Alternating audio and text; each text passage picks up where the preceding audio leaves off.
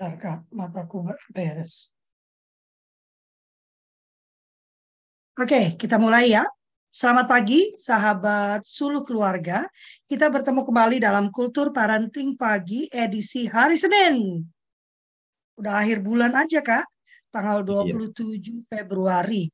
Cepet banget ya semuanya ini ya uh, tahun 2023 ya. Dan hari ini masih kayaknya ini uh, subtopik terakhir untuk uh, skill kuadran ya. Uh, sayangnya sampai hari ini nih saya masih gagal membentuk karena aku udah bikin satu enam bulan, cuman yang Maret itu aku masih kosongin entah kenapa aku kosongin ya. Jadi masih saya susun. saya masih Iya, lagi apa ada dua topik besar yang ingin aku kok uh, diskusikan tapi masih belum kepikir gitu yang mana ya.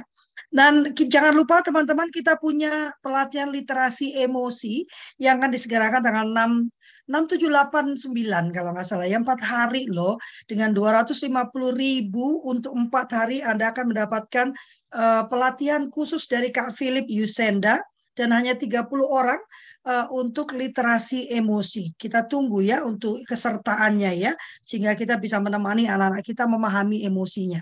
Pagi ini kita akan bicara tentang digitalisasi ya, digital karena salah satu kuadran uh, skill kuadran yang disebutkan oleh McKenzie adalah kemampuan kita menguasai dunia digital ya baru-baru ini kemarin uh, di uh, konferensi juga banyak sekali didiskusikan tentang ancaman-ancaman yang mungkin timbul karena digitalisasi.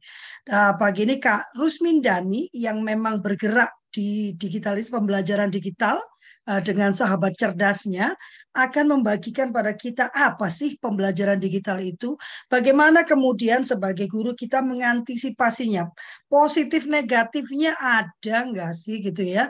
Silakan Kak Dani. Ya, uh, selamat pagi semuanya. Nama saya Rusmin Dani, uh, biasa dipanggil Dani ya. Kebetulan betul yang tadi kalau Lovely bilang itu saya dari mulai enam tahun saya mencoba memulai startup di bidang pendidikan di dunia digital juga uh, namanya Sahabat Cerdas. Uh, Sahabat Cerdas itu salah satu produknya adalah matematika interaktif yaitu adalah uh, platform uh, matematika untuk anak-anak yang betul membantu anak dari mulai PAUD sampai dengan SMA bisa mengerti matematika lebih mudah dan menyenangkan melalui animasi dan juga tutorial. Saya akan langsung aja ya, saya izin share screen. Oke. Nah, eh, sudah terlihat Kak? Terlihat kalau di Sudah. Sudah ya. Ya, saya akan mm-hmm. share tentang ini pembelajaran uh, digital. Nah, apa sih pembelajaran digital itu? Kalau kita itu di, di kamus dibilang dikatakan pembelajaran digital adalah segala jenis pembelajaran yang disertai dengan teknologi atau praktik pengajaran yang memanfaatkan teknologi secara efektif. Jadi eh, kita pada zaman ini memang tidak nggak bisa dipisahkan lagi ya dengan apa yang namanya teknologi. Bahkan teknologi itu eh, berkembang sangat-sangat cepat dari 30 tahun belakangan inilah itu eh, saya merasakannya. Nah ini salah satu contoh perkembangan teknologi ya. Ini saya ambil dari media dan juga telekomunikasi. Ya zaman dulu saya masih ingat itu kita bacanya koran. Dan itu koran itu barang yang mahal zaman dulu. Saya masih ingat apa eh, Kompas salah satu rajanya ya. Dan itu nggak gampang untuk untuk untuk bisa dapat Kompas. Eh, saya pernah buka toko buku dulu di Papua. Itu Kompas itu baru datang ke sana itu sore hari. Karena keluar di, di Jakarta udah jam 4 jam 5 pagi udah disebarkan. Tapi sampai ke sana tuh karena pesawat yang paling uh, itu sampai sore hari gitu. Itu pun di saya kebetulan buka itu di, di Timika itu dan untuk Timika masih ada lagi kalau ke desanya bisa dua sampai mungkin satu minggu baru sampai itu koran. Jadi uh, sesuatu yang sangat mahal. Terus mulai ada media-media seperti di apa majalah dan lain-lain. Nah kalau kita lihat di atas ada ada timeline communication juga sama. Jadi dari dari media ini mulai ke ke radio, lalu mulai apa ke televisi yang masih jadul. Tapi zaman sekarang ini dan begitu cepat sekali pertumbuhannya. Media yang dulu mahal, terus tiba-tiba ada di internet. banyak orang udah dapat kemudahan untuk untuk mendapat informasi semua itu ya nah cuman dulu juga kembali lagi internet tuh mahal dan dulu dulu ada waktu itu di mana kalau mau mungkin kita ada detik kita tuh harus berlangganan gitu mesti ada biaya yang yang mesti eh, dikeluarkan tapi kembali lagi eh, teknologi itu begitu cepat sekali sampai ada namanya sharing ya jadi itu jadi beritanya bukan lagi dikumpulkan oleh oleh satu perusahaan yang otomatis kalau yang perusahaan yang mengumpulkan dia harus me, apa meng-hire banyak orang untuk dapat berita itu atau setidaknya membayar berita itu. Tapi mulai ada platform yang sharing. Jadi beritanya itu yang ngisi itu daripada masyarakat. Jadi otomatis hampir nggak ada biaya. Jadi otomatis juga gitu. Kita sebagai um, yang membaca itu juga free. Dan telekomunikasi juga kita udah tahu semua dari telepon yang yang jadul yang masih diputar-putar saya pernah ngalamin juga setelah itu pencet digital wah keren banget itu. Sampai sekarang handphone yang cuman kita ngomong aja langsung uh, apa kalau free langsung bisa terhubung. Jadi dan sekarang bahkan udah ada video call semua udah udah makin cepat sekali gitu nah apa yang kita mesti mesti uh, hadapi untuk itu dan pertama uh, siapa sih gitu yang yang akan uh, harus belajar ya Nah, kalau kita lihat di sini pada dasarnya semua orang ya. Sebab di era digital saat ini teknologi dan media digital sudah menjadi bagian yang nggak terpisahkan dalam kehidupan sehari-hari. Ini saya kasih contoh uh, pada dasarnya semua, tapi ini kasih contoh dari mulai uh, di di bidang apa bisnis atau pe, kerja ada bos dan karyawan, mereka harus harus belajar, harus apa uh, mempelajari yang namanya uh, teknologi itu. Ya, karena itu apalagi waktu WFH, wah ini lebih luar biasa lagi. Benar-benar semua orang mesti mesti mengerti ya. E, seperti di, di bidang pekerjaan itu bagaimana kolaborasi walaupun di rumah masing-masing itu pasti dengan teknologi. Ada beberapa platform seperti Asana, ada ada juga Notion, itu ada Canva yang bisa bareng-bareng kerjanya. Belum lagi di dunia kerja itu e, kita sekarang kalau kerja mesti mengerti bagaimana meriset. Jadi kalau mau jual barang itu kita harus riset dulu. E, apa? Kita mesti riset ini Eh, barang kita ini dicari banyak orang nggak? Kita mesti cari di Google Analytics, betul nggak barang kita ini dicari banyak orang? Setelah itu dicarinya di daerah mana aja? Itu semua ada. Kita harus harus riset dulu. Setelah itu eh, kita setelah dapat semuanya, kita juga harus tahu lagi eh, siapa yang sukanya nih gitu, yang umur berapa, gendernya apa gitu. Jadi wah itu semua bisa dilakukan kalau kita bisa mengerti akan teknologi itu sendiri ya. Terus juga di dalam pengajar ya, pengajar maupun murid lembaga pendidikan itu itu benar-benar berhubungan sekali dengan dengan teknologi. Kita harus sudah mengerti email, ada Google Drive gitu. Ya, terus juga sekarang dengan dengan adanya mungkin hybrid kok apalagi waktu dulu kita uh, daring kita nggak gampang untuk kita harus benar-benar menguasai lah itunya. Kita harus ngerti learning management system di dalam pendidikan ya e-book udah ada di mana-mana nih. Karena kalau kita tidak tidak menggunakannya, kita akan ketinggalan pada dasarnya gitu. Ada ada tools pembelajaran eh, banyak sekali di dunia pendidikan yang yang eh, berkembang dengan begitu sangat sangat sangat cepat sekali. Dan sebagai orang tua di sini yang yang apa eh, kita sebagai orang tua ya kita harus gitu. Karena dibilang hampir tidak ada dari semua aspek kehidupan kita yang tidak bersinggungan dengan teknologi. Bahkan eh, di rumah kalau kalau kalau saya lihat ya itu udah wah canggih-canggih. Bahkan ada ada eh, sekarang bisa nyalain lampu dari handphone gitu. Kita mau mau buka pintu pun pakai pakai handphone itu berhubungan semua dengan dengan teknologi dan kita harus eh, belajar. Dan apalagi kalau kita sebagai orang tua kita harus untuk harus apa eh, menguasai di era digital ini gitu. Biar kita juga bisa tahu gitu apa sih yang dikerjakan sama anak-anak kita. Kalau kita gaptek nggak benar-benar wah nggak mau tahu gitu. Aduh itu mau udahlah anak muda punya. Wah itu akan akan kita akan sangat sulit untuk memprotek diri kita maupun uh, memprotek uh, anak-anak kita ya. Nah terus uh, mengapa nih mengapa kita kita uh, harus belajar uh, digital ini yang pertama adalah kita agar kita mampu untuk menggunakan teknologi dan media digital secara efektif dan kritis. Nah, itu yang yang yang penting ya, salah satu yang penting ya. Karena kita ke depannya itu akan akan sangat banyak sekali hal yang berhubungan dengan itu. Karena kalau kita lihat di di rumah aja nih gitu. Kita kita kalau kita nggak mampu menggunakan teknologi itu akan sangat sulit. Kemarin saya mau naikin daya PLN aja, Pak, download aplikasinya, Pak. Sekarang mau itu PLN mesti apa mau naikin daya itu semua di aplikasi. Mau sama gitu. Kemarin eh, anak saya namanya di kakak ini berubah. Ada kesalahan yang udah cukup lama. Harusnya Giovanni ditulisnya Giovanni. Sama juga. Pak, daftarnya harus lewat aplikasi, Pak. Bahkan ngurusnya aplikasi dan canggihnya saya menghargai sekali ya eh, bangsa eh, apa eh, pemerintah pemerintah Indonesia gitu. Bahwa kemarin itu saya ketika saya mau rubah kakak nih gitu karena ada salah salah tulis itu, saya hanya perlu lakukan itu semua di di di gadget aja, di handphone kasih tahu apa yang apa yang mesti dirubah, upload filenya, udah besoknya silakan di print. Saya tinggal print ke Snappy, udah langsung jadi kartu keluarganya. Saya langsung bahkan tidak berhubungan dengan satu manusia sekalipun. Itu itu uh, yang terjadi ya. Uh, terus juga banking sama juga pembayaran sekarang uh, pakai QRIS, uh, transfer pakai itu udah udah kita nggak perlu lagi ke ke ke bank gitu ya transportasi, Gojek semua. Intinya kita kita harus harus mampu untuk menggunakan teknologi ini gitu. Juga untuk dibilang yang kedua adalah untuk ini sebenarnya banyak sekali uh, alasannya, tapi saya uh, tulis di sini hanya hanya tiga ini ya. Kedua adalah untuk kita dapat mengakses, mengevaluasi dan membuat informasi secara akurat serta ambil keputusan yang terkait dengan penggunaan teknologi. Nah, jadi kita tuh harus bisa setidaknya menggunakan handphone kita dan mengakses semuanya. Kembali kalau kita nggak bisa, wah kita akan kesulitan. Dalam eh, sekarang ini udah sulit, apalagi ke depan ini teknologi yang makin cepat sekali berkembangnya.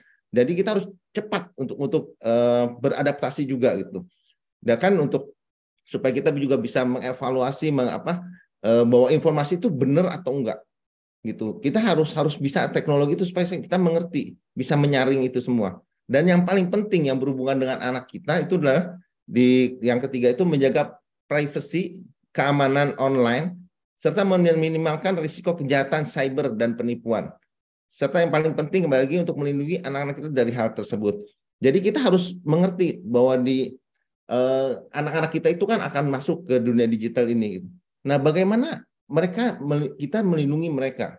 Yang pasti kita harus belajar dulu bagaimana kita melindungi diri kita. Setelah itu kita ajarkan kepada anak kita untuk untuk mereka bisa terlindungi. Banyak sekali kejadian di di apa di dunia digital ini yang paling sering biasanya penipuan ya, penipuan di di melalui Facebook biasa uh, sosial media. Bahkan sekarang udah merambah juga ke kalau itu banyak sekali bahkan terjadi maaf maksudnya uh, perkosaan lah. Atau mungkin bahkan ada ada penipuan secara secara finansial melalui hanya melalui sosial media seperti Facebook. Karena banyak sekali informasi yang di-share yang tidak seharusnya di-share. Karena ketidakmengertian ini dan kita sebagai orang tua kita harus harus bisa mengerti. Belakangan bahkan bahkan belakangan kemarin tapi justru karena saya eh, banyak nonton, banyak nonton TikTok ataupun tapi hal-hal yang positif dan eh, baca itu. Karena penipuan yang pertama itu kalau nggak salah itu oh disuruh apa eh, biaya transfer terus klik link ini wah dana habis. Yang terakhir kata undangan. Nah, saya kemarin dapat tuh dari dari Bank Niaga dibilang nggak tahu itu yang pengirimnya ya biasalah pakai logo niaga terus ada tulisan view. Tapi saya pernah dengar bahwa oh jangan klik. Karena begitu diklik udah habis. Dia bilang tabungan langsung bisa tersedot. Nah itu karena kalau mengerti informasi oke. Okay. jadi langsung saya dilihat aja dilihat chatnya. Itu. Nah ini eh, kita harus tahu juga ini hal-hal yang jangan posting atau menyebarkan. Kita bicara tentang uh, sosial media dan digital ya di sini ada ada kurang lebih ini masih banyak tapi kurang lebih ini untuk kita memprotek diri kita maupun memprotek anak-anak kita. Pertama kita tuh jangan posting atau menyebarkan uh, informasi. Sebentar.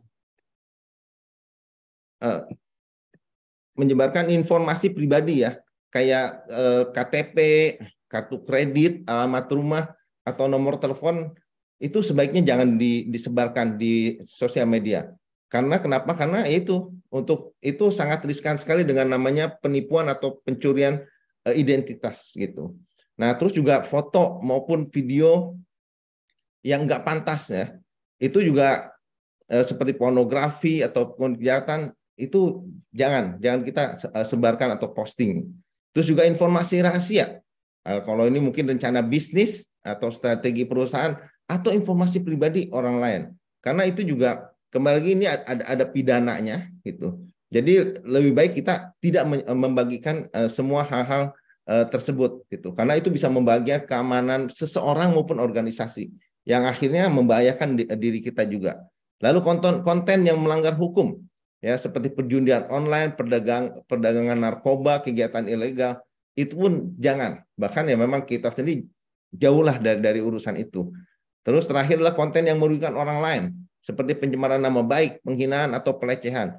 Nah, kadang-kadang kita emosi kita posting sembarangan di di sosial media ya. Nah, itu hati-hati gitu. Kembali lagi ada ada pidananya, ada orang yang tidak uh, senang gitu. Nah, itu bisa mengakibatkan begitu begitu banyak hal ya. Uh, kemarin ada kejadian walaupun mungkin nggak sampai uh, di posting itu teman itu karena sekarang ini banyak apa orang gampang sekali untuk terpancing secara emosi gitu. Yang kemarin itu kejadian kan um, apa Mario ya. Itu akhirnya sampai terjadi kekerasan itu hanya karena provokasi istilahnya gitu. Nah, itu juga itu yang kita harus hindari karena itu jangan sembarangan memosting atau menyebarkan um, itu bisa forward atau apa pun juga di di media sosial gitu. Nah, selanjutnya adalah nah ini yang perlu kita pelajari atau atau kita kuasai ya. Gitu. Pertama adalah kita harus mampu memahami dan menggunakan perangkat keras dan lunak teknologi. Kita harus setidaknya kita kita mampulah gitu ya eh, pakai handphone ataupun laptop gitu. Untuk itu kita bisa bisa mengerjakan itu semua. Nanti saya akan tunjukkan bagaimana semua teknologi itu udah begitu maju sangat luar biasa sekali. Ada beberapa uh, website saya, saya mau tunjukkan gitu bahwa kalau kita menggunakan dengan positif itu akan sangat luar biasa. Tapi setidaknya kita mampu memahami ya jadi dalam keadaan sulit, kita tuh bisa menggunakan teknologi ini untuk membantu. Dan juga kembali lagi yang paling penting bisa memprotek anak-anak kita. Lalu kita juga mampu mengakses dan mencari informasi. Sama, ya. Jangan kita, maksudnya kita ada ada handphone, ada gadget, gitu, ada ada ada. Nah itu semua pakai teknologi. Nah kita setidaknya harus bisa uh, mengaksesnya ya gitu. Cuman uh, maksudnya handphone itu sekarang semua kan udah canggih, udah banyak begitu banyak aplikasi. Tapi eh, jangan sampai cuman oh kita handphone hanya untuk telepon ataupun untuk eh, media sosial, tapi masih banyak hal yang bisa kita dapatkan di sana gitu. Untuk mampu mengevaluasi eh, keakuratan dan keandalan informasi yang ditemukan di online. Itu juga sangat penting itu eh, jangan sampai nyebarin hoax ya. Kita main oh forward forward forward padahal sebenarnya kalau dapat berita kita bisa cek. Bisa cek di eh, di Google ataupun di apa di sumber beritanya itu betul nggak ada kejadian seperti itu. Karena kalau enggak nanti kita udah sebar-sebar ternyata waduh salah informasinya. Nah itu eh, bahkan bisa membahayakan orang lain juga. Lalu mampu berinteraksi dengan orang lain secara online dengan etika dan sopan santun. Nah ini juga penting juga untuk untuk kita eh, pelajari bagaimana untuk berkomunikasi dengan baik dengan dibilang dengan etika dan sopan santun. Kembali lagi enggak eh, sedikit kejadian cuman gara-gara eh, postingan ataupun karena komen ya akhirnya jadi ribut. Ribut ujungnya waduh eh, hal kekerasan apa pun hal-hal yang tidak menyenangkan bahkan bisa kepidana. Nah kita harus harus menguasai ini supaya kita bisa menghindari hal-hal demikian. Lalu kembali lagi ini salah satu yang penting yang tadi saya sudah share juga ya, lima poin itu bahwa kita harus mampu untuk menjaga privasi dan keamanan online eh, eh, apa untuk diri kita maupun untuk anak-anak kita. Nah terus ini apa yang perlu dilakukan? Ini kita eh, yang kita perlu harus lakukan untuk kita bisa meningkatkan uh, pembelajaran digital itu adalah pertama belajar dan berlatih menggunakan teknologi dengan media digital. Nggak ada pilihan, gitu. Kita memang ini harus kita lakukan bahwa kita harus belajar dan berlatih eh, berlatih terus. Ya, coba terus, coba terus. Lalu kita juga uh, bisa dengan membaca dan ikutin panduan literasi, ikut seminar-seminar itu juga akan sangat membantu kita ya Eh, baca ataupun mungkin sekarang bisa bisa uh, nonton melalui YouTube maupun uh, TikTok. Juga yang akan lebih membantu biasa kalau kita udah udah apa melakukan terus kita juga bisa mengajarkan berbagai pengetahuan. Nah itu akan lebih lagi membuat kita lebih bisa merasa lebih nyaman juga. Terus juga membuat keputusan yang tepat dan bijak terkait dengan penggunaan teknologi. Itu juga satu hal yang yang yang kita harus lakukan. Kita nggak bisa wah eh, semua website atau semua itu kita kita kunjungi atau eh, kita belum dipercaya atau kita yang lakukan kesalahan. Nah itu harus kita hindarin. Nah sekarang saya akan akan eh, coba beberapa eh, apa eh, demokan beberapa hal yang saya yang kita bisa lakukan di teknologi ini. Sebentar. Saya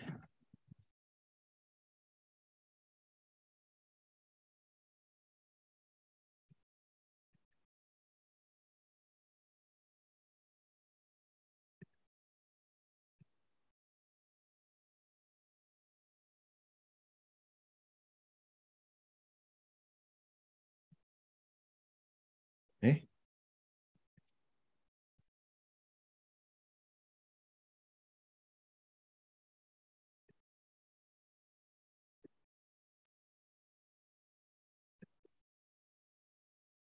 Saya akan tunjukkan uh, beberapa. Ini yang lagi yang lagi sorry ini uh, ini yang lagi hits ya. Itu namanya Chat GPT ya. Ini ini sangat berguna sekali. Jadi ini ini uh, platform yang kita nanya apa aja akan dijawab. Saya akan akan akan ketik uh, ini uh, ini menjadi orang tua yang baik. Jadi apa pun juga kita tuh uh, error. Oke. Saya mulai dari ini aja deh. Oke, saya mulai dari Canva. Eh, sorry.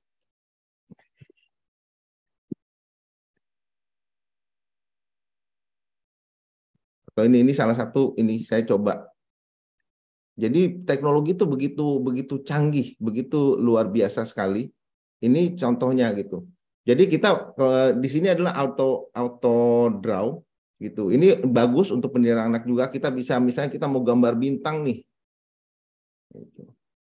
Kan kelihatannya asal, tapi dia memberikan tools gitu. Kita bisa jadi begini eh, dengan bintang yang asal. Jadi kita begini atau kita mau gambar muka orang ya itu kasih matanya ini AI yang luar biasa sekali nah ini di, eh, teknologi yang luar biasa kita bisa jadi begini atau kita mau pilih yang mana di atas ini ada, ada pilihan-pilihannya gitu nah ini ini bisa membantu membantu kita membantu kerjaan kita juga gitu terus eh, yang lainnya coba lagi ini ah udah bisa harusnya ini kita lihat eh, menjadi orang tua yang baik. Nah, ini bisa menjawab. Gitu. Menjadi orang tua baik melibatkan berbagai keterampilan perilaku positif, berikan cinta kasih dan sayang. Nah, ini lagi lagi ngehits chat GPT ini. Ini kalau kita kita menggunakan ini, kita akan hidup kita banyak terbantu. Karena ini memberitahukan banyak hal dalam kehidupan kita. Ini salah satunya eh, menjadi orang tua yang baik, dibilang berikan dukungan pendidikan, jadilah teladan yang baik. Ya, setelah itu berikan penghargaan dan pujian. Dengarkan anak-anak. Nah, itu kata Kalofli, kita harus menjadi apa anak-anak punya hak untuk berpendapat. Berikan kebebasan dalam batas yang wajar. Nah, bayangkan teknologi udah begini, ini kita nanya apa aja dia punya jawabannya. Ini kayak kita ngobrol sama robot sama ahlinya ya ini ini uh, chat GPT saya mau tunjukin beberapa lagi oke okay. nah di sini juga ada ada Canva Canva yang saya mau tunjukkan adalah bahwa teknologi sekarang dengan dengan uh, apa dengan menulis ya kita bisa menemukan gambar saya kasih contoh misalnya saya tulis flying dog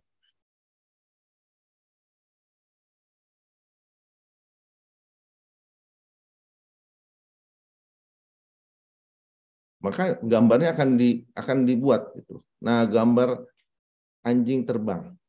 Gitu. Hanya dengan kata-kata bisa keluar eh, gambarnya. Itu luar biasa. Sekarang tambahin lagi. Flying dog at the sea. Kita lihat hasilnya.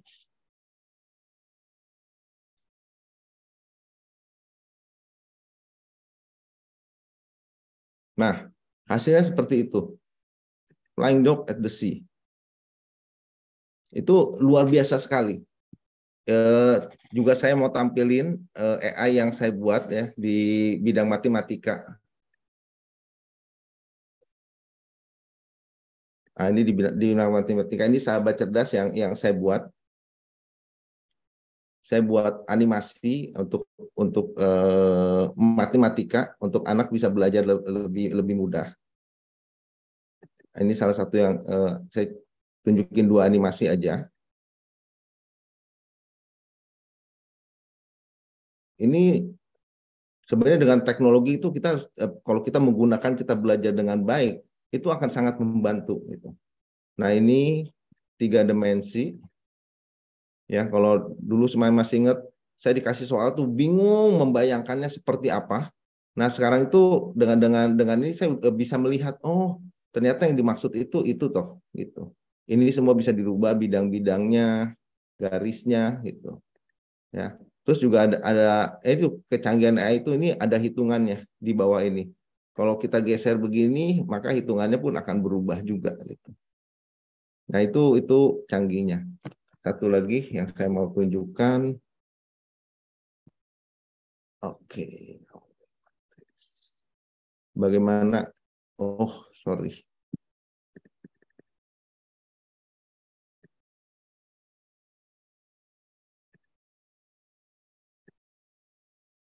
Atau kalau enggak ya saya yang terakhir aja saya mau tunjukkan biar waktunya cukup. Nah ini satu satu uh, website juga untuk bagaimana mem, apa, membuat platform untuk membuat logo dan ini masukkan uh, perusahaannya misalnya sahabat cerdas.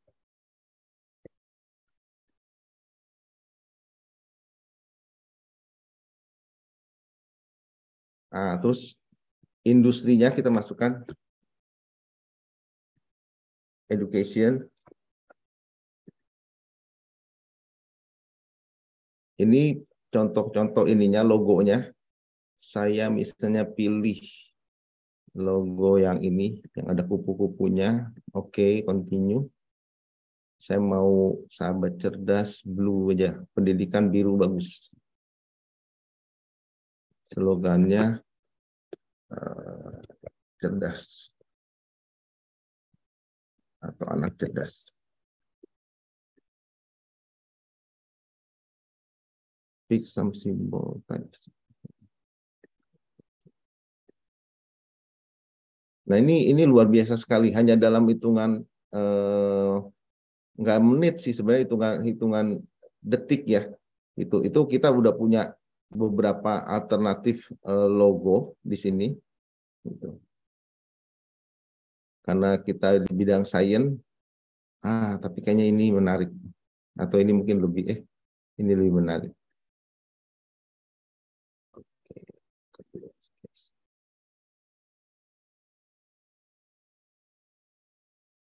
Kita lihat apa hasilnya. Ini luar biasa sekali.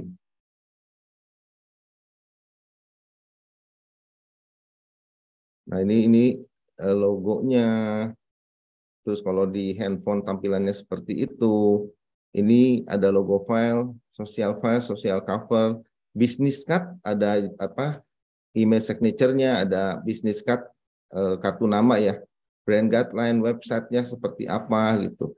Semua langsung kita cuma satu klik, semua kita udah udah tampil di sini. Sampai digital marketingnya dia dia buatin untuk kita. Harusnya sih ada ininya. Bahkan ada kaosnya. Nanti ini kan name card-nya ya. Jadi ini luar biasa sekali teknologi kalau kita menggunakan. Nah ini ada kaosnya. Sampai kaosnya pun disiapin, kantong belanjanya pun disiapin. Seperti itu. Nah ini eh, logo-logonya lah istilahnya tuh eh, apa?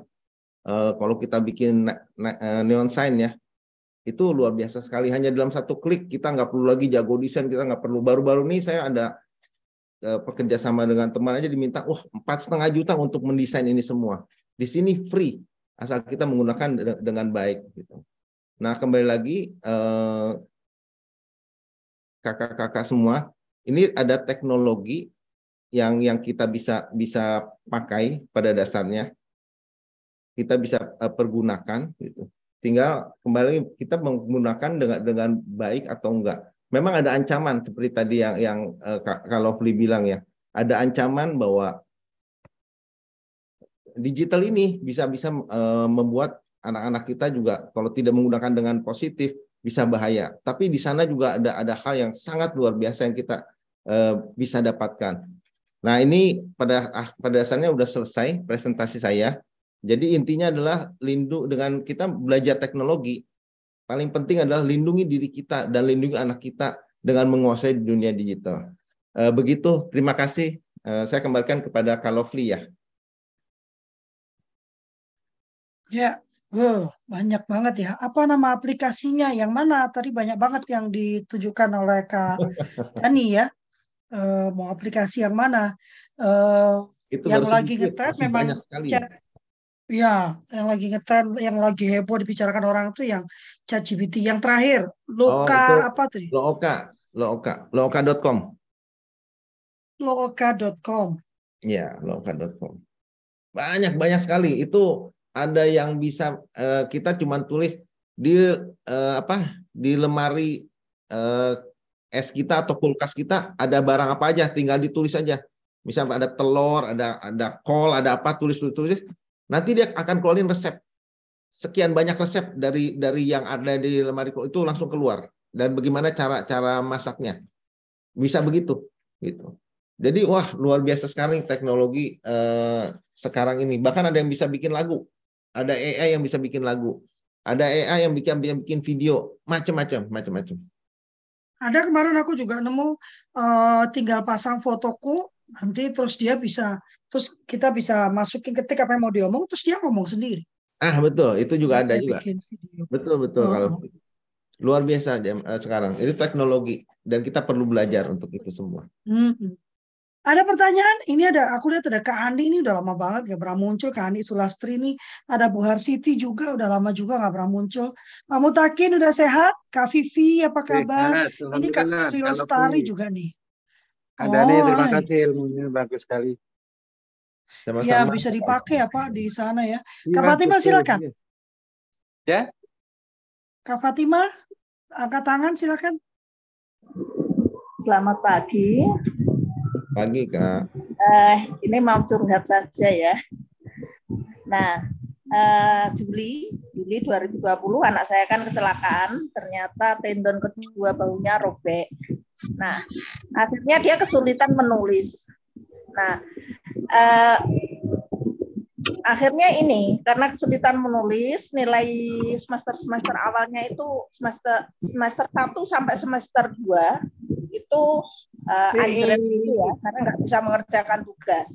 Sebetulnya kan teknologi itu sudah canggih meskipun tidak tidak bisa menulis harusnya mestinya anak saya kan bisa ini tetap mengerjakan tugas dengan ini kan ada itu apa aplikasi itu ada yang speech to text gitu ya kita ngomong kemudian menjadi tulisan. Harusnya kan seperti itu. Tetapi karena gurunya itu eh, mayoritas guru guru jadul yang sudah pada mau pensiun eh, diharuskan semua harus ditulis tangan biar ini biar asli biar original itu pekerjaan ini bukan copy paste dari temannya seperti itu.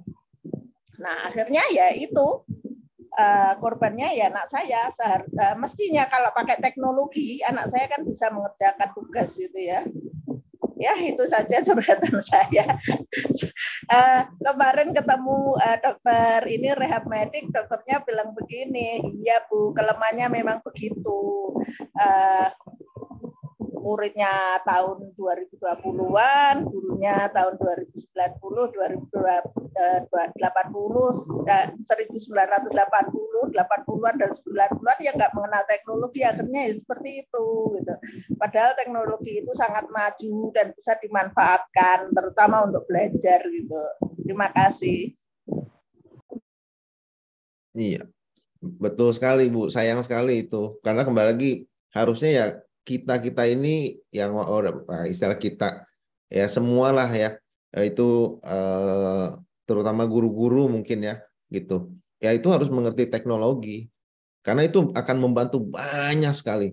Kita bisa mengejar begitu banyak ketinggalan dari istilah itu dari negara lain kalau kita benar menggunakan teknologi apa yang ada. Ya turut prihatin juga dengan anaknya. Harusnya sih eh, gurunya bisa mengerti ya. Kalau dia enggak itu ya kan tinggal cari alternatif. Tolong di videoin dong bagaimana waktu pengerjaannya istilahnya gitu ya. Jangan langsung nggak bisa mesti tulis tangan. Ya nggak semua orang punya punya apa kekurangan apalagi anak ibu baru kecelakaan terus dipaksa begitu nggak beres kan gimana menurut kalau Fli? Ya ini memang masih itu ya masih perdebatan panjang ya uh, terkait dengan percaya tidak percaya gitu kan karena kita ingin jadi polisi buat semua orang kan. Takutnya nanti anak-anak nggak mikir. Makanya menurut saya yang harus difokuskan tuh bagaimana kita mengajak anak berdiskusi dan memancing high order thinkingnya. Misalnya ya zaman sekarang kalau pertanyaan bapak ibu itu soal-soal yang diberikan tuh uh, A dijawab B gitu pertanyaannya ya.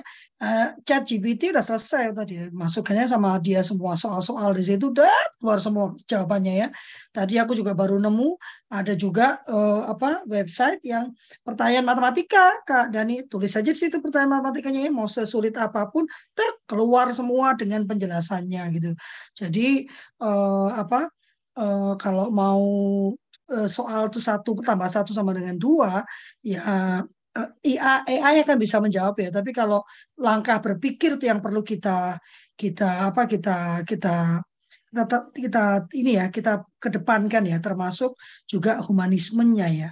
Nah, memang sayangnya juga guru-guru kita ini uh, nggak semua ya, tapi yang sudah kemarin juga waktu itu saya ngobrol dengan beberapa teman, mereka juga kesulitan. Jangankan bicara teknologi ya, bicara Eh, cara pandang terhadap anak saja sudah kesulitan gitu ya. Jadi uh, kita memang senang dengan dengan kondisi yang nyaman gitu ya. Ini nih, Kak Dani, aplikasi yang buat logo yang ada kaos tadi namanya apa ya? Apakah itu ada di chat GPT? Hmm. Bukan chat GPT, apa namanya tadi? Luk, luk, Luka. Luk. Luka. Hah? Bentar ya, saya, saya ketikin. Oka.com.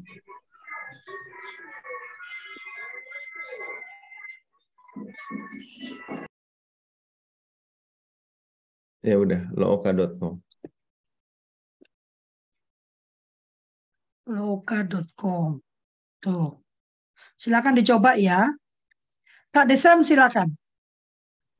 Ya, uh, terima kasih. Selamat pagi semua. Sore ini belum buka kamera. Di sini hujan. Iya. Belum pasang lipstick Kameranya ya. ketutupan hujan. Enggak, dia belum pasang lipstick, belum pakai lipstick. Oh. Kayak ini kan. Pasang pakai lipstick. Ah. Oke.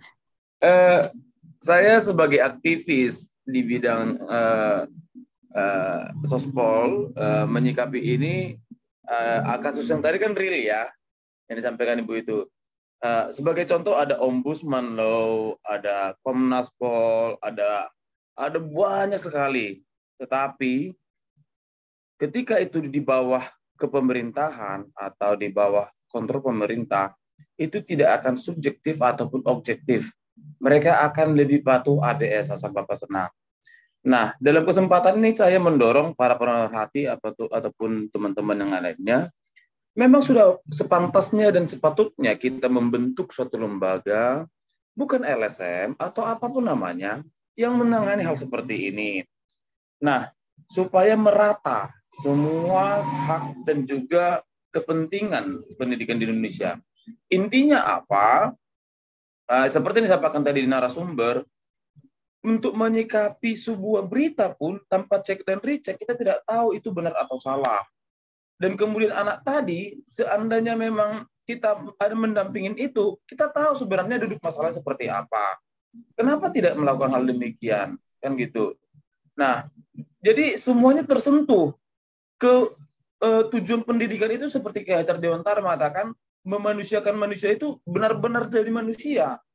Enggak enggak hanya serta merta dengan guru dan dan anak saja, dengan murid saja. Oke, kelemahannya pada saat case ini adalah guru. Bagaimana kelemahannya pada siswa? Nah, bagaimana kita mendampinginya? Saya merasa sudah sangat sudah sangat urgent Indonesia memiliki satu lembaga kalau Kak Aris Merdeka Sirait dan Kak Seto dan yang lainnya membentuk Komnas HAM, mendampingi semua apa pun tentang anak, mengapa tidak kita lakukan untuk bidang pendidikan?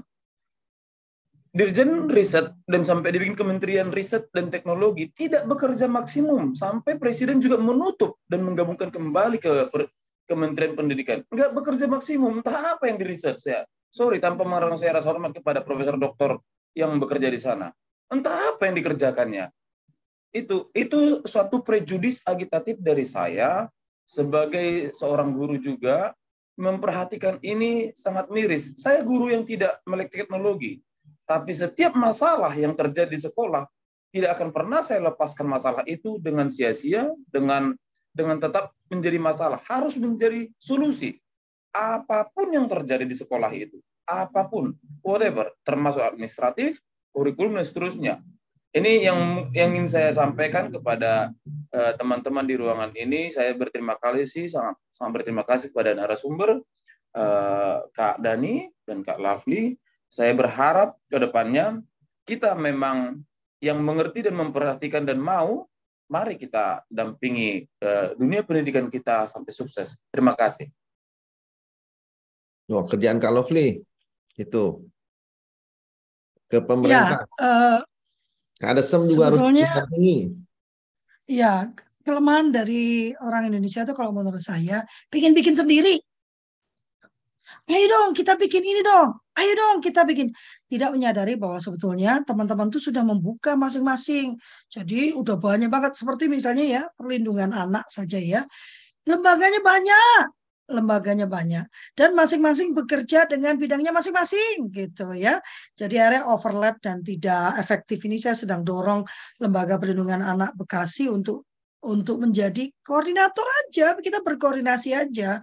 Makanya Kak Dani sekolah yang mau kita buat itu kita nggak usah bikin baru lagi. Teman kita sudah banyak gitu. Kak Dani bisa bicara matematika, Kak Philip bicara tentang uh, apa literasi uh, uh, emosi ya kan. Pak Irwan ke mana Pak Irwan ini? Uh, sudah bicara tentang profil pemenang gitu kan. Kita tinggal ngumpulin teman-teman aja. Uh, kita tidak perlu membuat sesuatu yang baru lagi. Kalau bicara tentang uh, hoax ya ada gerakan um, aku lupa namanya satu tur apa gitu ya namanya ya. Jadi ini gerakan teman-teman sejak diawali pandemi itu mereka sudah bergerak tuh seluruh Indonesia mengajarkan bagaimana kita mengecek hoax. Jadi sebetulnya ada cara untuk cek hoax ada cara. Uh, foto itu bisa dicekkan gitu kan uh, di satu situs itu nanti kelihatan ini sebenarnya foto ini keluar di mana dan tentang apa? Karena sering kali kita ketemu foto digunakan untuk satu kepala berita padahal ini bicara tentang uh, peristiwa yang lain. Nah teman-teman di di saat apa uh, di pergerakan itu tuh khusus me, mendidik uh, me, sorry uh, memberikan pelatihan kepada anak-anak uh, orang uh, orang dewasa bahkan orang tua ya untuk memahami tentang hoax ini. Nah, bagi saya ini ada Bu Eros kan sebagai guru ya eh, yang juga bergerak di dalam perlindungan anak. Yang nomor satu dari hoax itu adalah ketidakmampuan kita untuk berpikir kritis analitis. Jadi kalau sudah terima satu berita itu yang dipakai emosi bukan logika. Kalau em makanya Indonesia itu gampang banget jualan-jualan eh, kasus-kasus ya kan keberes ya. Kalau yang disentil agama itu cepat banget ya. Kalau perempuan-perempuan kalau sudah nyebutnya pelakor udah nggak mau tahu udah langsung ayo kita gempur bersama-sama gitu ya kalau udah sebutannya itu kan. Kalau para perempuan ya. Kalau laki-laki ini kan sudah terjadi banyak ya. Uh, sudah dua ya. Uh, menurut saya korban dari kebodohan mereka sendiri ya. Uh, yang satu yang sudah difonis hukuman mati ya kan. Yang satu uh, masih dalam proses nih anak-anak ini kan. Uh, anak anak muda uh, yang konon katanya dipicu oleh seorang anak gitu ya. Nah ini kan semua adalah ketidakmampuan kita untuk berpikir kritis analitis. Kita terbiasa dilatih untuk meres untuk bereaksi ya bukan merespon. Kalau bereaksi itu begitu dipukul nampar balik ya. Karena itu reaksi. Disenggol tampar. Disenggol pukul gitu. Lah ada yang bentak balik kanan bentak gitu kan. Kalau merespon itu ada langkah berpikirnya. Nah ini yang uh, ini yang menurut saya perlu di uh, di uh, disebarluaskan. Tapi menurut saya yang lebih penting lagi untuk diubahkan. Ini Kak Dian ini kan masih mahasiswa ya. Uh, yang perlu diubahkan adalah para pelaku pelaku pendidikannya. Ya Bu Eros ya para guru itu harus diajak berpikir kritis analitis. Benar Bu Eros ya? Karena kalau tidak maka hampir tidak mungkin kita bisa meminta para guru untuk mengajarkan berpikir kritis analitis pada anak. Ya jadi saya memang jarang diundang untuk pelatihan guru karena saya nggak akan memberikan pointers yang saya ajak adalah berpikir. Jadi saya nggak laku untuk jadi pelatih ya. Karena saya pikir kalau saya memberikan anda pointers maka tidak mungkin saya mengharapkan anda bisa mengajak anak menemukan pointersnya sendiri. Anda akan memakai pointer saya untuk mempointers anak gitu kan? Nah, tapi kalau saya ajak teman-teman itu untuk berpikir dan menemukan pointersnya sendiri, berbasiskan pengalaman dan risetnya sendiri, ya kan?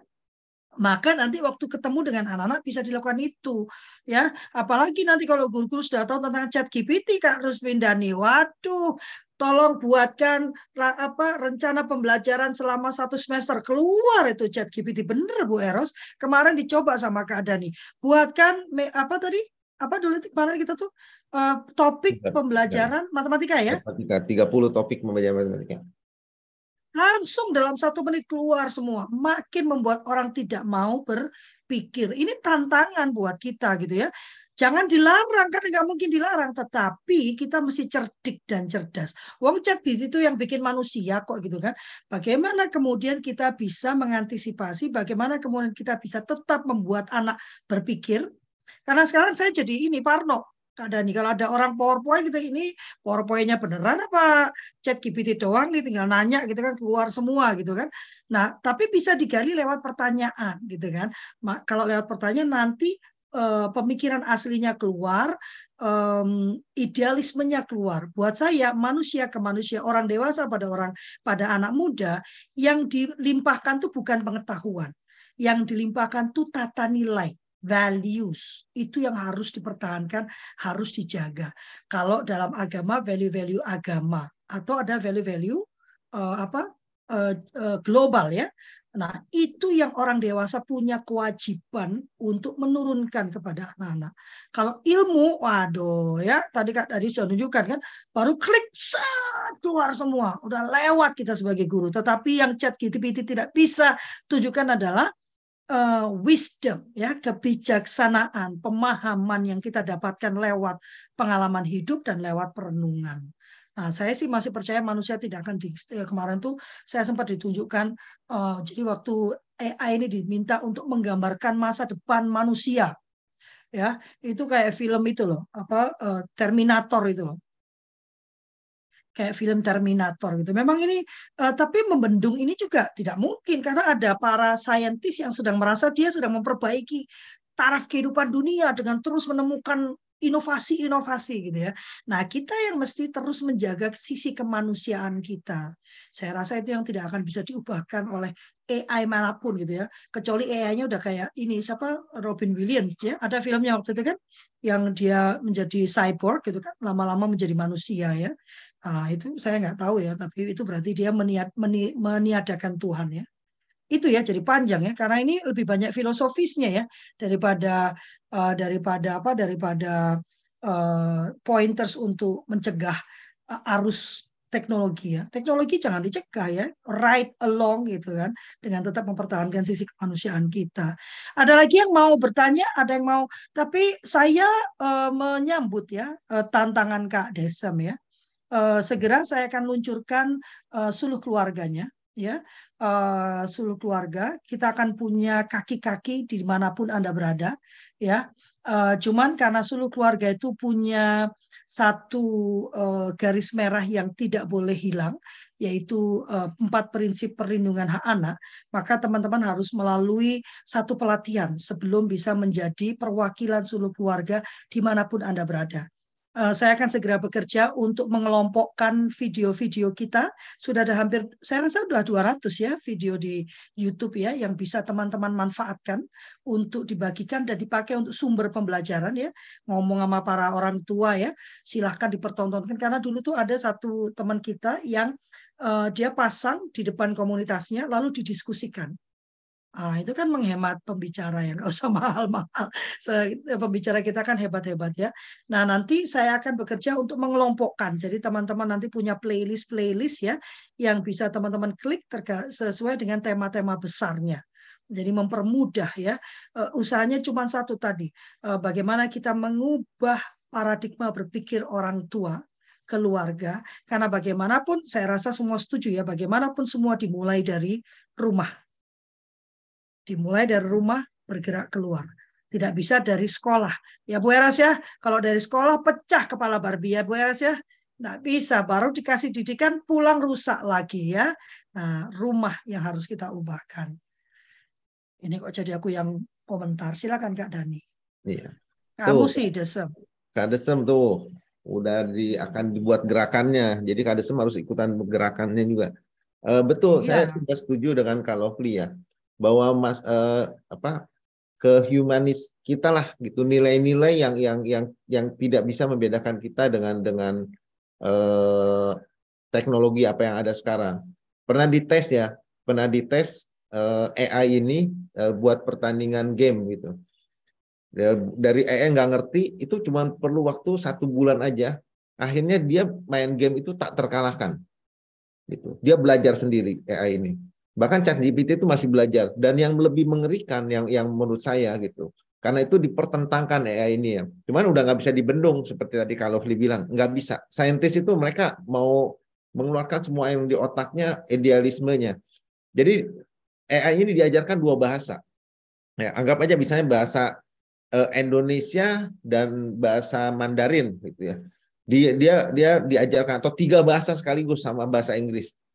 AI ini diajarkan, dia belajar, terus dia belajar. Nah, itu kejadian juga setelah dua bulan, dia punya bahasa sendiri. Yang kita nggak ngerti, manusia nggak ngerti, karena dia campur tuh dari tiga bahasa itu dia dia mix.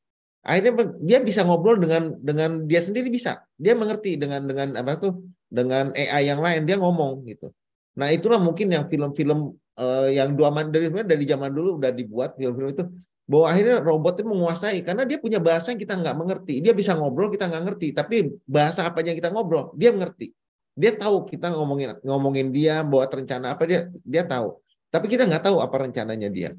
Nah itu itu AI lah. Eh, positif negatif. Tapi yang pasti kita harus belajar kita harus harus bisa mengerti hal-hal demikian karena itu untuk kehidupan kita dan kembali lagi untuk anak-anak kita juga untuk protek anak-anak kita dari dari bahaya cyber ini. Hmm. Kembali lagi ya, bagaimana cara menghentikan bahaya cyber punya hubungan dengan anak-anak kita. Yes. Ya. Cuman satu jawabannya komunikasi.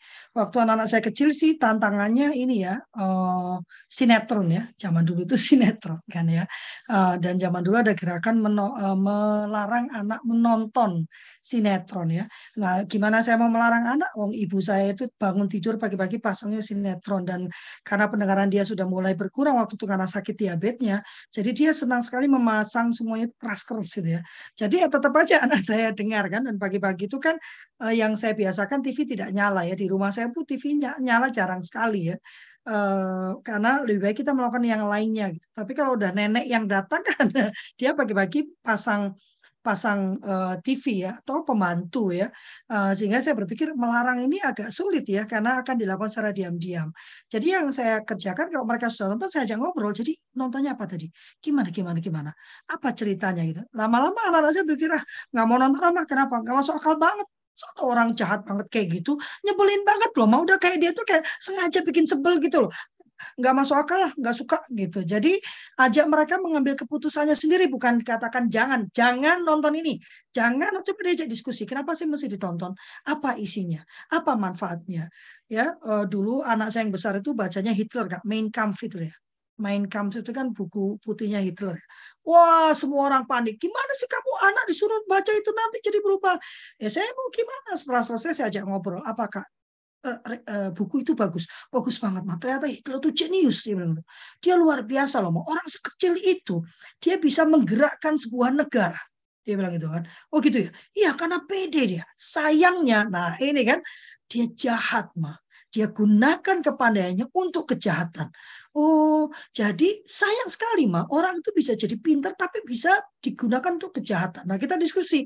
Jadi sebaiknya kepandaian dipakai untuk apa? Kepandaian itu dipakai untuk kebaikan mah, untuk manfaat orang lain. Nah, begitu kan? Akhirnya saya tidak takut lagi dia mau nonton apa, yang penting adalah diskusinya. Diskusi itu bukan ini ya, kamu coba jangan kayak Hitler tuh kamu. Nanti kamu kalau kayak Hitler, kamu nanti masuk neraka kamu apalagi ya. Neraka kamu nanti ya, nanti atau pasti nanti datang. Nah, jangan biasakan dengan ketakutan, tapi ajak dia berpikir. 5W1 aja, ajak dia berpikir, mengapa itu terjadi? Menurut kamu kenapa? Lalu bagaimana? Apa yang sebaiknya dilakukan menurut kamu? Kalau itu dilakukan, bagaimana rasanya? Kalau dia bingung, ayo kita ketemu dengan orang-orang lain untuk berdiskusi.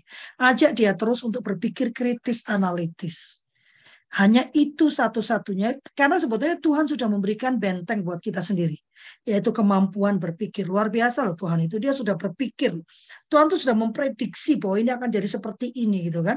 Nah, mari kita manfaatkan potensi yang sudah diberikan Tuhan buat tiap manusia. Ini jadi kuliah pagi. Silakan Kak Dani. Sudah jam 8 lebih 7, mungkin Kak Dani uh, closing uh, apa statement ya Uh, Bu ada mau disampaikan? Dari tadi senyum-senyum aja Bu Eros ini. Bu Eros ini luar biasa loh. Nggak mudah menggerakkan sekolah ramah anak, tapi yang benar-benar sekolah ramah anak ya. Karena kebanyakan tuh yang saya lihat itu cuma jargon doang dipasang di depan sekolah, setelah itu tidak ada turunannya ya Bu Eros ya, kebanyakan ya. Nah mari kita benar wujudkan sekolah ramah anak. Sehingga nanti kalau kabupaten kotanya dapat uh, kabupaten kota layak anak gitu kan. Itu benar-benar layak anak. Bukan layak anak tapi kejahatan dan kekejian terhadap anak tetap terjadi. Silakan Bu Eros. Dua menit saja. Terima kasih Bu atas waktunya. Hmm, mohon maaf baru bisa eh, bisa ngobrol sekarang. Alhamdulillah di tahun 2022 eh, Kabupaten Lebak baru dua kecamatan Bu yang ikut deklarasi. Kebetulan saya juga sebenarnya kan kepala sekolah baru. Hmm. Iya, jadi pas dua bulan ada pelatihan ya SK-nya SK lama 2019 karena memang mungkin COVID. Nah, saya ikut sosialisasi ya sama Bu Haja Rodia.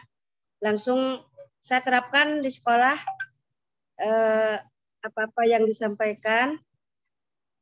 Uh, di sekolah kami itu sekolah di ini Bu jauh dari kabupaten. Hmm. Jadi apa ya? Uh, yang ke, yang tahun 2020 kena bencana yang hilang itu Bu yang sekolahnya yang tetangga sebelah yang ke bawah arus. Hmm. Ya, alhamdulillah sekolah kami cuma uh, sedikit yang kena tapi yang pertama dibangun di sekolah kami alhamdulillah hikmah di balik bencana itu ada ada hikmahnya dibangun sekarang yang di belakang dua tingkat bu cuma hmm? permasalahannya kekurangan personil kekurangan pendidik oh ya hmm. ya. ada yang satu kelas megang 67 bu uh. tapi di mana di Lebak ya Ya, Lebak. Eh, Kabupaten Lebak, kecamatannya Kecamatan Lebak Kedong. Jadi di daerah kami daerah pegunungan. Alhamdulillah oh, dengan mana tuh? siswa yang panggil aktivis tadi tuh kak bu. Wah, ya? desam, jangan ngomong aja berangkat ke Lebak tuh kurang guru dia. Ya, uh, ya guru PNS kelasnya bu cuma ada empat ya. Yang guru ma guru mapel alhamdulillah dua. Yang kemarin udah masuk ke 3K1 cuma yang satu nih tahun depan udah mau pensiun. Jadi secara kalau rombel 12 tapi karena memang gurunya yang kurang kami cuma mengadakan rombelnya 8 Pak. Mengajukan udah memang karena gimana ya eh,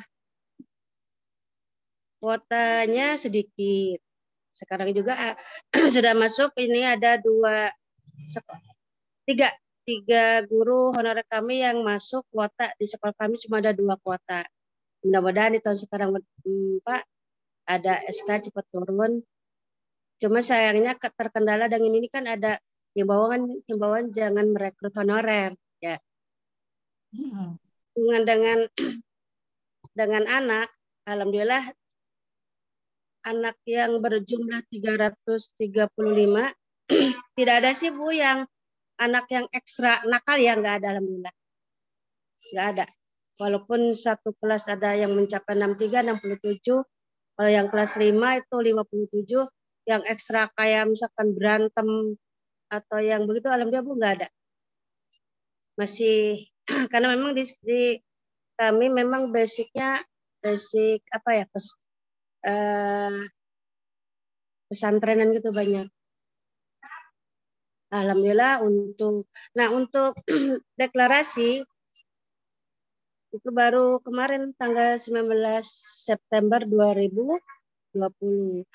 Untuk seperti kata Ibu tadi saya tidak berdiam diri bagaimana nih tindak selanjutnya harus bagaimana harus mm -hmm. berbuat apa makanya apa yang diarahkan sama wajah itu wajah Rodia saya ikutin. Oh iya nambah wawasan nambah nambah apa ya hmm, pengalaman. Seperti yang tadi yang belum tahu nanti kayak apa ya look apa ya tadi teh look.com ya. Insya Allah saya buka Pak. Buka. Ya eh, kalau mungkin untuk apa ya untuk penggunaan HP untuk anak-anak kan di sini masih belum begitu ini. Soalnya kan masih di perkampungan. Waktu tahun yang kemarin Covid aja nggak yang agak ada yang memiliki HP sendiri selain HP orang tua. Jadi kalaupun ada kita guru-gurunya berusaha membuat apa mode pembelajaran paling dari satu kelas itu cuma ada 30% yang bisa mengikuti. Sisanya nanti uh, luring dengan pengambilan tugas seminggu sekali. Uh, satu memang secara ekonomi belum begitu bagus. Keduanya ya apa ya? Uh, ke, uh, ya kemampuan ekonomi dalam waktu saat saat COVID itu jadi uh, belum pokoknya dalam IT belum begitu ini ya, belum begitu seperti yang di kota-kota. Ya untuk tapi uh, alhamdulillah dengan ikut ini Bu ya, dengan ikut seluruh keluarga uh, bertambah wawasan, bertambah ilmu, tentunya saya mengenal Ibu dan yang lainnya juga. Kita aja mudah-mudahan harapan kami di sekolah kami karena kekurangan gurunya banyak. Pernah yang dulu datang ke sini dari pusat, waktu itu kan saya megang satu kelas 59, kadang pakai pakai mic karena riuh rendahnya yang udah kelas atas tuh ya. Katanya, Bu bagaimana mengajarnya? Ya sampai keluar keringet karena memang suara anak lebih lebih kencang, kencang dari kita gitu ya. Alhamdulillah mudah-mudahan dengan kami setiap hari mengurus anak, merawat, mendidik, melatih anak dengan jumlah yang besar, walaupun yang di atas tidak tahu. Ya, maksudnya yang di atas pemerintahan ya, Bu ya. Ada larangan jangan merekrut honorer, tapi tetap kalau bisa kalaupun tidak ada PNS-nya atau P3K-nya ke kami, kami diperbolehkan untuk merekrut honorer. Itu aja. Mudah-mudahan ini jadi pemikiran untuk yang di atas. Bayangkan nanti mungkin nanti ya. mungkin itu Kak Desem dan Kak Dani bisa ngobrol karena ya. kalau sudah pakai teknologi harusnya bisa efisien efektif uh, tenaga pengajarnya gitu. Cuman metode pengajarnya mesti berbeda Bu. Yeah. Kalau bentuknya teaching ya memang satu guru perlu satu kelas perlu setidaknya dua tiga guru gitu kan untuk mata pelajaran. Cuman kalau ibu berbentuknya nanti ke apa project project uh, based ya uh, berupa project-project. Nah, ibu sama guru-guru bisa membentuk dewan guru dan cuma nongkrong mendengarkan anak-anak mengembangkan pengetahuannya gitu. Nah, nanti mungkin kita diskusi ya bu ya uh, ke depan nanti Kak Desem, Bu Eros, Kak Dani bisa diskusi ya teman-teman yang mau ikut juga uh, kita bisa pakai ala-ala Eh, non formal gitu ya. Bagaimana cara non formal mengajar tanpa banyak gurunya. Sudah lebih 16 menit ya, kita tutup ya. Kak Dani silakan. Terima kasih Bu atas waktunya, Kak. Jangan serang hati, Ibu. Iya, uh, terima Ibu kasih. itu saya di ujung tombak. Betul. Sambil kita penutupan, kita keluarkan hati kita biar difoto oleh Kak Delia. Iya. Silakan Kak Dani. Uh, jadi uh, hari ini kita belajar tentang pembelajaran uh, digital Ya digital memang satu hal yang kita kita tidak bisa teknologi itu kita nggak bisa hindarin. Dia akan akan sudah ada dan akan lebih ada lagi ya ke depannya bahwa makin hari makin makin canggih dan kita harus terus ngikutin nih, kita harus belajar. Memang betul ada ada ada ada efek yang yang kurang baiknya. Tapi yang tadi udah di-share juga bahwa kita harus memprotek diri kita dan terutama kita memprotek anak-anak kita. Karena mereka pun pasti terpapar sama namanya teknologi. Tapi di sisi yang lain, kita harus belajar dan menguasai karena begitu banyak hal yang bisa memudahkan kehidupan kita juga dengan teknologi apa yang ada. E, namun juga jangan lupa kita ini harus punya nilai yang benar. Itu yang lebih penting lagi ya. Kita ini manusia yang diciptakan oleh Allah dan kita punya nilai tersendiri, nilai humanisnya. E, jadi kita pergunakan teknologi dengan baik untuk kebaikan kita semua. Itu aja kalau. Aku mau nyapa Kak Mary juga ini. Kak Mary, ayolah kita bertemu. Kak Mary ini bisa banyak membantu. Dengarkanlah kesedihan para guru. siap, siap, siap Kak Lovely. Kerjaanku banyak. Tapi saya rasa kita perlu uh, apa mengajarkan teknologi yang membantu, ya bukan teknologi yang merusak. Ya Kak Mary. Ayo kapan kita mau Kak Mary ini dari Tanoto Foundation. Jadi banyak yang bisa beliau kerjakan untuk bangsa kita. Kapan-kapan kita ketemu ya Kak Mary? Ya, siap-siap Kak Lovely. Kita atur segera. Terima kasih. Akhirnya sudah bergabung. Mungkin dia udah pusing ngirim aku dapat spam terus dari aku kan. Jadi dia udah aku muncul aja lah sekali-sekali katanya. Oke, terima kasih banyak sahabat-sahabat semua. Kita bertemu lagi di hari Senin eh sorry kok Senin sih? Jumat ya. Jumat. Udah berasa. Mau akhir pekan lagi aja. Di hari Jumat kita akan ketemu lagi.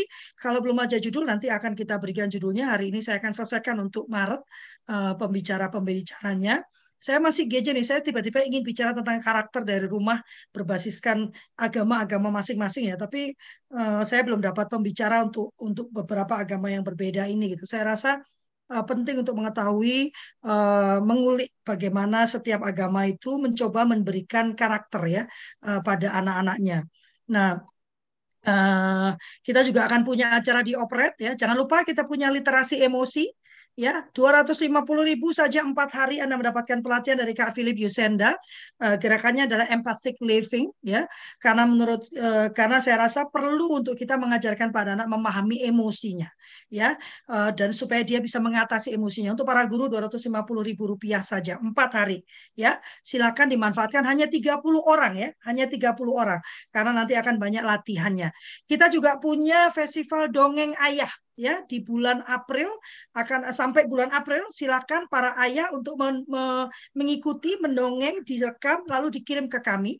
Nanti 4 April akan ada uh, diskusi dengan tiga ayah luar biasa. Satu Kak Seto, dia akan bicara tentang bagaimana mendongeng yang baik. Yang kedua Kak Irwan Amrun, dia akan bicara Brigjen Irwan Amrun ini akan bicara tentang bagaimana dongeng itu membentuk karakter pemenang anak. Nah, yang ketiga kita akan bertemu dengan Dr. Amir Zuhdi, dia ahli neuroparenting. Dia akan bicara bagaimana dongeng itu bisa merangsang saraf-saraf otak anak ya. Tiga ayah luar biasa. 250 ribu untuk bulan April ya. Karena pembicaranya luar biasa saya harus berbagi dengan mereka ya. Tidak bisa gratis terus. Nanti saya dipukul sama mereka ya. Terima kasih banyak teman-teman atas nama kami berlima kami mengucapkan terima kasih dan memohon maaf yang sebesar-besarnya apabila ada pernyataan, perkataan, sikap atau gestur yang kurang berkenan. Kami tidak ingin menghina, tidak ingin memojokkan, tidak ingin menghakimi, bahkan tidak bermaksud menggurui. Kami hanya ingin membagikan apa yang menjadi keyakinan kami dan yang paling penting yang kami usahakan kami kerjakan dalam kehidupan kami sehari-hari. Terima kasih. Wassalamualaikum warahmatullahi wabarakatuh. Tuhan memberkati. Bye. Kak Dani kita atur waktu ya. Siap, Kak.